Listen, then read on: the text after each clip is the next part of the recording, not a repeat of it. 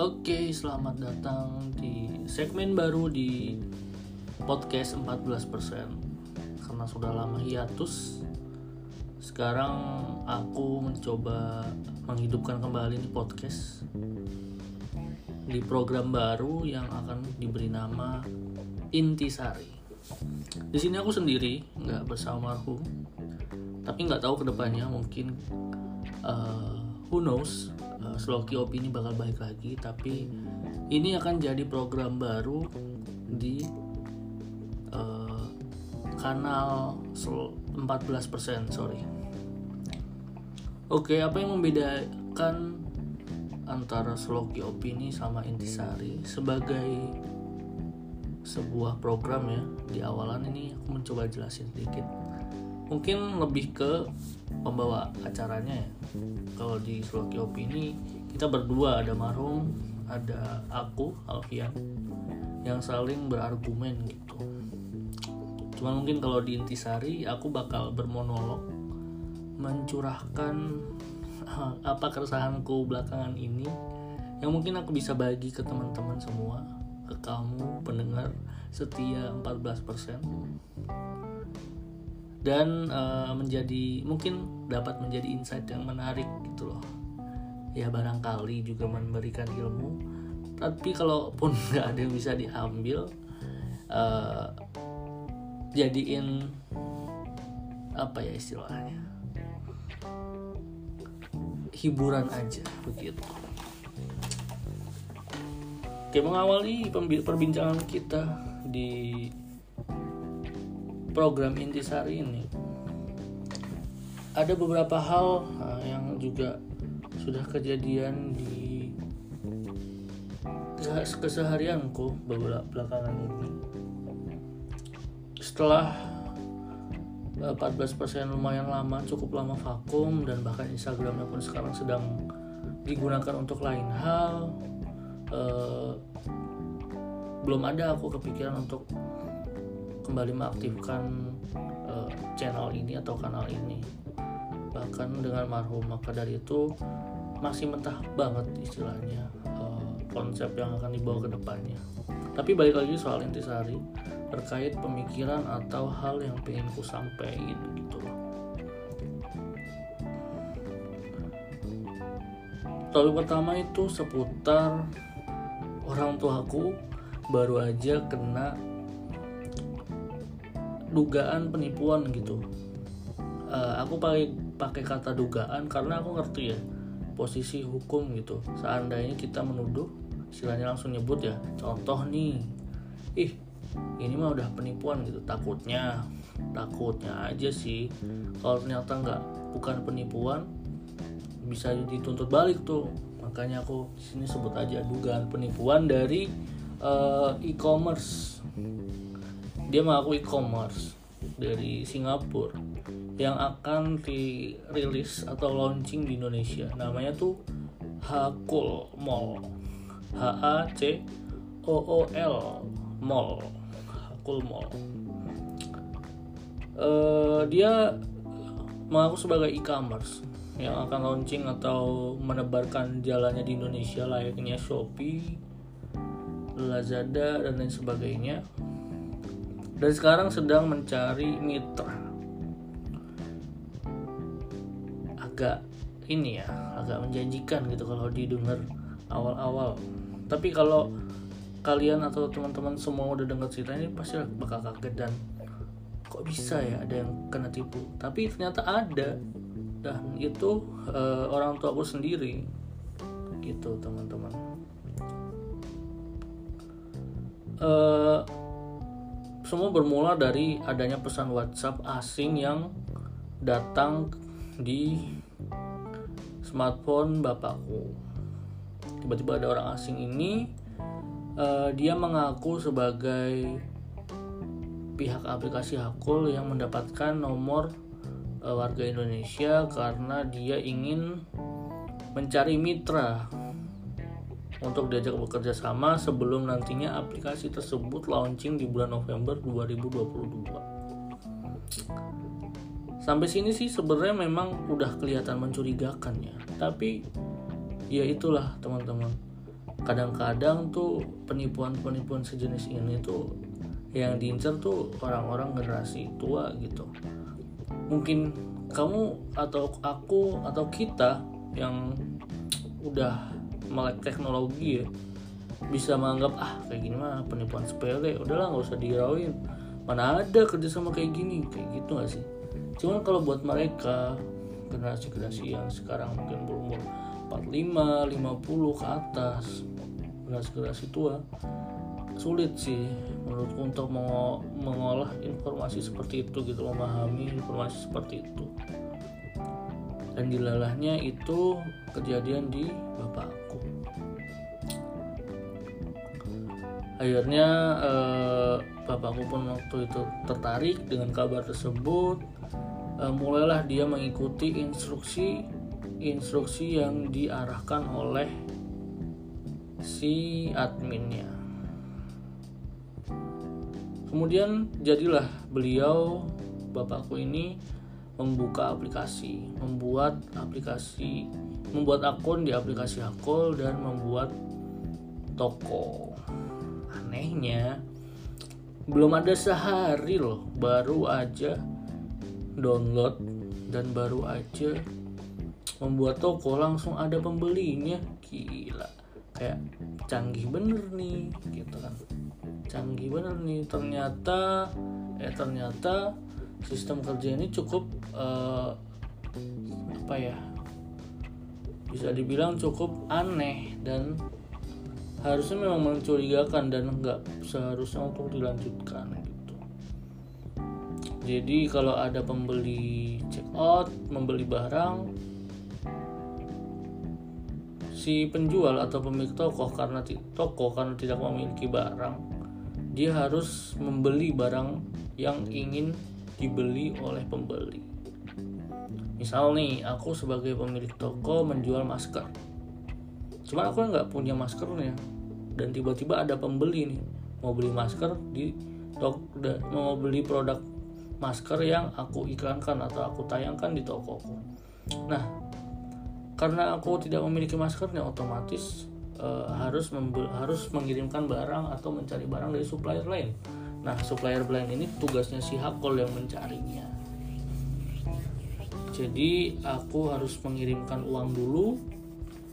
Kemudian nanti barang uangnya itu digunakan untuk membeli barang. Barang langsung dikirim ke pembeli. Uangku diproses oleh pihak Hakol dan Hakol nanti akan uh, entah gimana caranya katanya mau mengirimkan keuntungannya. Yang sampai bapakku udah mengirimkan uang sampai satu juta, cuman baru dikirim 200 ribu dong ya aku juga nggak terlalu paham sebenarnya itu flownya bagaimana ini tuh modus penipuan apa penipuan apa karena uh, pada akhirnya aku juga nggak terlalu berharap banyak karena aku udah tahu ini penipuan dan aku sudah coba mengingatkan mengarahkan supaya nggak kejadian lagi uh, ya udahlah anggap aja ini ujian gitu buat pengalaman pahit lah buat orang tua aku supaya ke depannya lebih hati-hati. Mau lapor polisi juga mau gimana cuy. Ya kan pada akhirnya aku udah mencoba untuk karena aku coba searching terkait informasi tentang hakul ini emang masih minim banget. Bahkan waktu itu aku cek di Google Play Store belum ada yang komentar. Baru-baru ini aku cek lagi ada tiga komentar yang dengan bintang satu yang mengomentarin kalau ini tuh sebuah praktik uh, penipuan skema ponzi gitu. Dan akhirnya ya oh ini udah ada jejak digitalnya. Aku pun membantu memberikan jejak digital di Twitter ya. Supaya seandainya nanti ada yang tergiur dengan kasus serupa itu tuh bisa mencari informasinya. Aku sebatas itu sih. Dan itu juga pesan dari bapakku yang coba deh dibikin di share ya paling nggak bukannya untuk uh, untuk istilahnya balikin uang atau gimana nggak masalah sebenarnya untuk nominal segitu. Ya udahlah ya. Emang ada aja musibah dan orang nipu tuh ada aja paling nggak jangan sampai ada kejadian lagi gitu. Emang sih sekarang tuh ya makin berkembang orang penipuan juga makin ini ya makin bervar bervariasi. Kita di zaman yang serba cepat ini tuh jangan lengah gitu ya. Bahkan aku juga kasihan sebenarnya untuk generasi-generasi orang tua kayak bapak, ibu, mama ya. Atau mungkin teman-teman semua bapak dan ibunya atau saudara yang harus terus mengikuti perkembangan zaman yang karena memang itu tuntutan gitu apalagi jika masih bekerja ya. Mau nggak mau gitu harus mengikuti perkembangan zaman dengan segala macam tantangannya gitu. Kadang untuk orang-orang generasi mereka uh, yang dulu yang dulu tumbuh dari kecil itu dengan keterbatasan informasi uh, adanya informasi yang terbuka kayak gitu bikin mereka apa ya susah mengolah informasi lo istilahnya kabar atau berita sekarang cepet banget berkembang.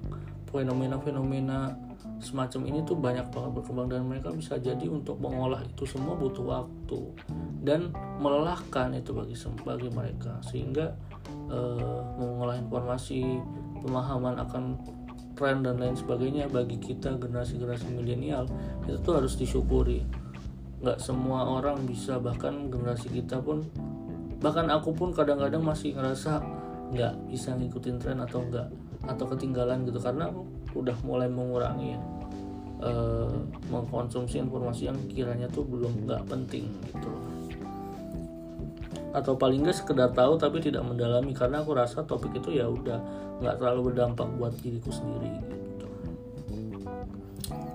Itu seputar uh, apa ya kejadian penipuan yang baru aja dialamin oleh keluargaku bisa dibilang ya dan salah satu hal menarik di segmen atau bukan segmen ya, di episode bukan episode di program Intisari ini di episode perdana uh, ada satu segmen khusus yang ingin aku bawain yaitu googling. Jadi setelah aku bercerita seputar topik tertentu, aku akan mencoba googling. Entah kebetulan ini kan topiknya seputar penipuan. Jadi aku akan googling sesuatu suatu informasi yang bermanfaat gitu bagi teman-teman pendengar setia uh, eh, 14% yaitu bagaimana agar tidak terjebak penipuan. Ya kurang lebih seperti itu ya nah ini dia jawaban dari Mbah Google nih setelah di segmen googling yang pertama Oh enggak, ini dia empat cara untuk menghindari penipuan online, teman-teman. Perhatikan nih, penting nih. Satu, teliti sebelum mengklik. Teliti sebelum mengklik apa pun itu ya. Jadi kalian harus teliti. Penipu sering memberikan pesan yang memancing rasa penasaran atau yang membuat kesan mendesak supaya korban tidak sempat meneliti isi pesan tersebut.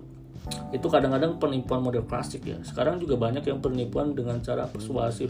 Kita kita dipaksa untuk membaca atau mendengarkan mereka ngomong yang eh, pelan-pelan uh, mereka memberikan instruksi untuk ini untuk itu transfer sini transfer situ dan lain sebagainya. Download ini download itu. Jadi tetap teliti ya sebelum melakukan sesuatu yang diperintahkan oleh orang asing. Nah itu tuh sambil aku modifikasi modifikasi sedikit tuh saran yang pertama. Yang kedua jangan mudah memberikan data pribadi kepada orang asing. Bahkan eh, sekarang banyak tuh ya kasus pencurian data ya semenjak viralnya hacker Bjorka tuh. Nah ini aku ingatkan sekali lagi jangan gampang kalian membagikan data-data pribadi ya. Uh, apalagi kalau misalnya ada tiba-tiba orang WhatsApp nggak jelas asal usul dari mana ngajakin kerjasama langsung minta uh, namanya siapa? Rumahnya di mana? Pekerjaannya apa?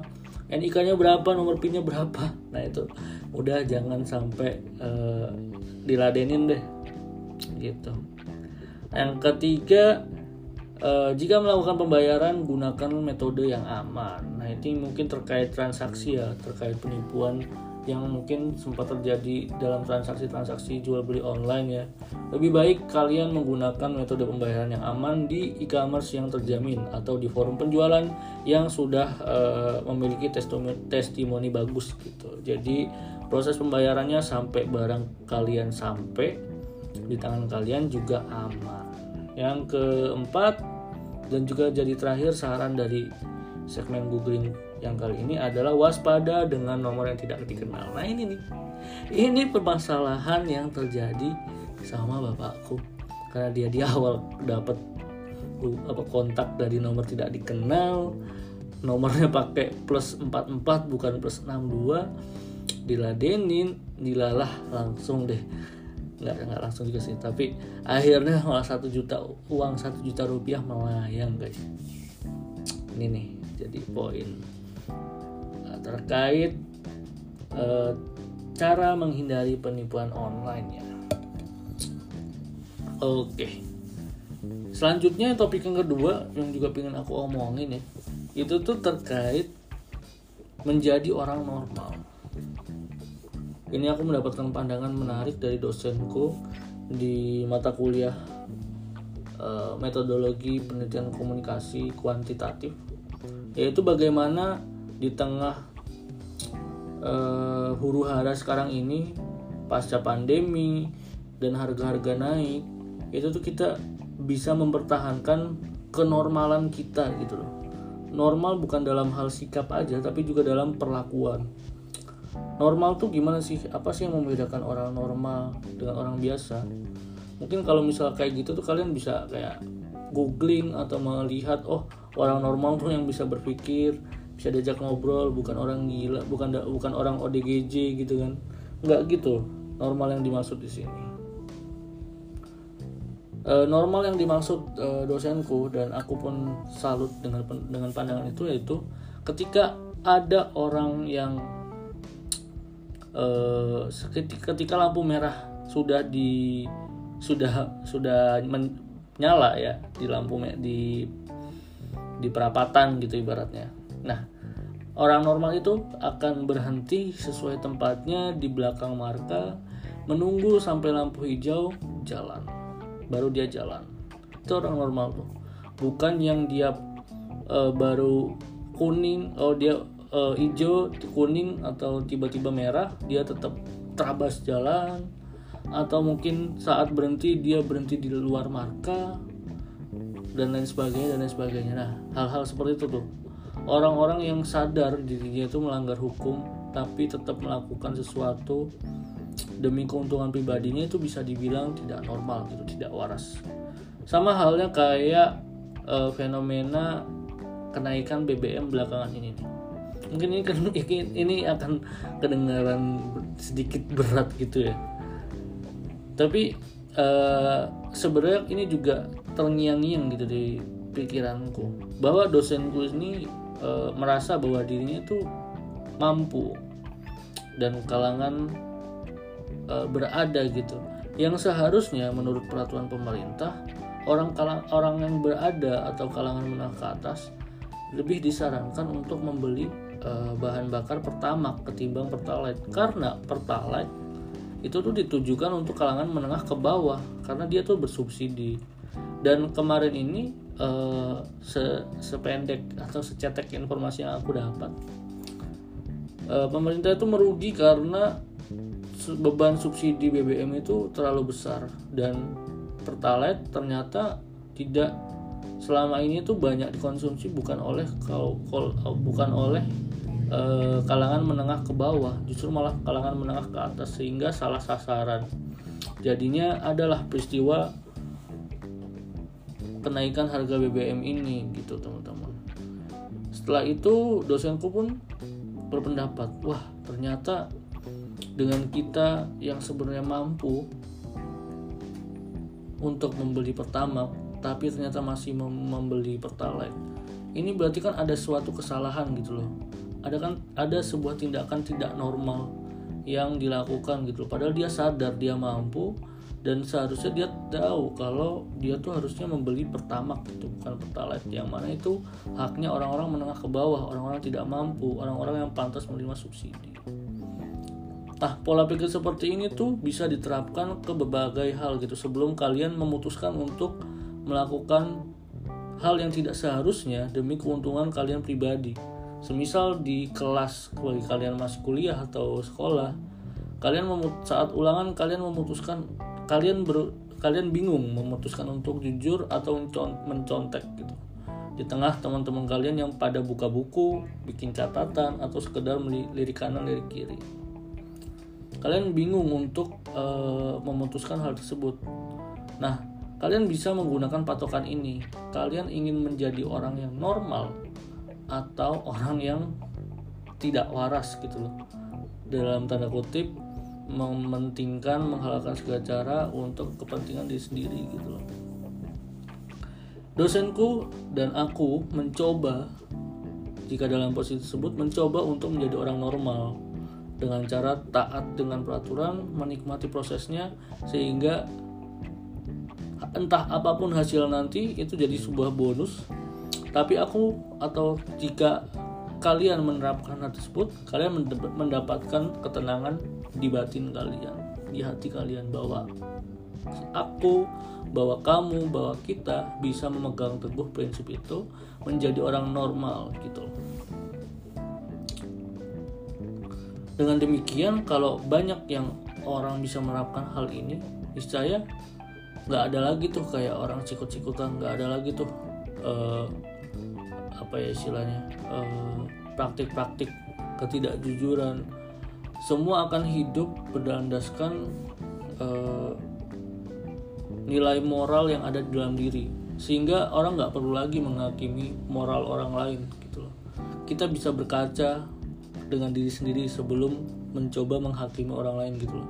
Kita sudah bisa untuk uh, memanage diri apa yang perlu kita lakukan apa yang perlu kita pikirkan sebelum kita bertindak gitu loh orang bijak berkata Pramudia Anantatur berkata dalam bukunya bahwa orang bijak itu sudah uh, adil sejak dalam pikiran gitu. Jadi sebelum melakukan sesuatu, kalian pikirin dulu tuh. Kita pikirin dulu tuh apa yang bakal apa yang kita lakukan ini tuh sebenarnya selfish atau mementingkan diri sendiri dan bahkan bisa membahayakan atau merugikan orang lain.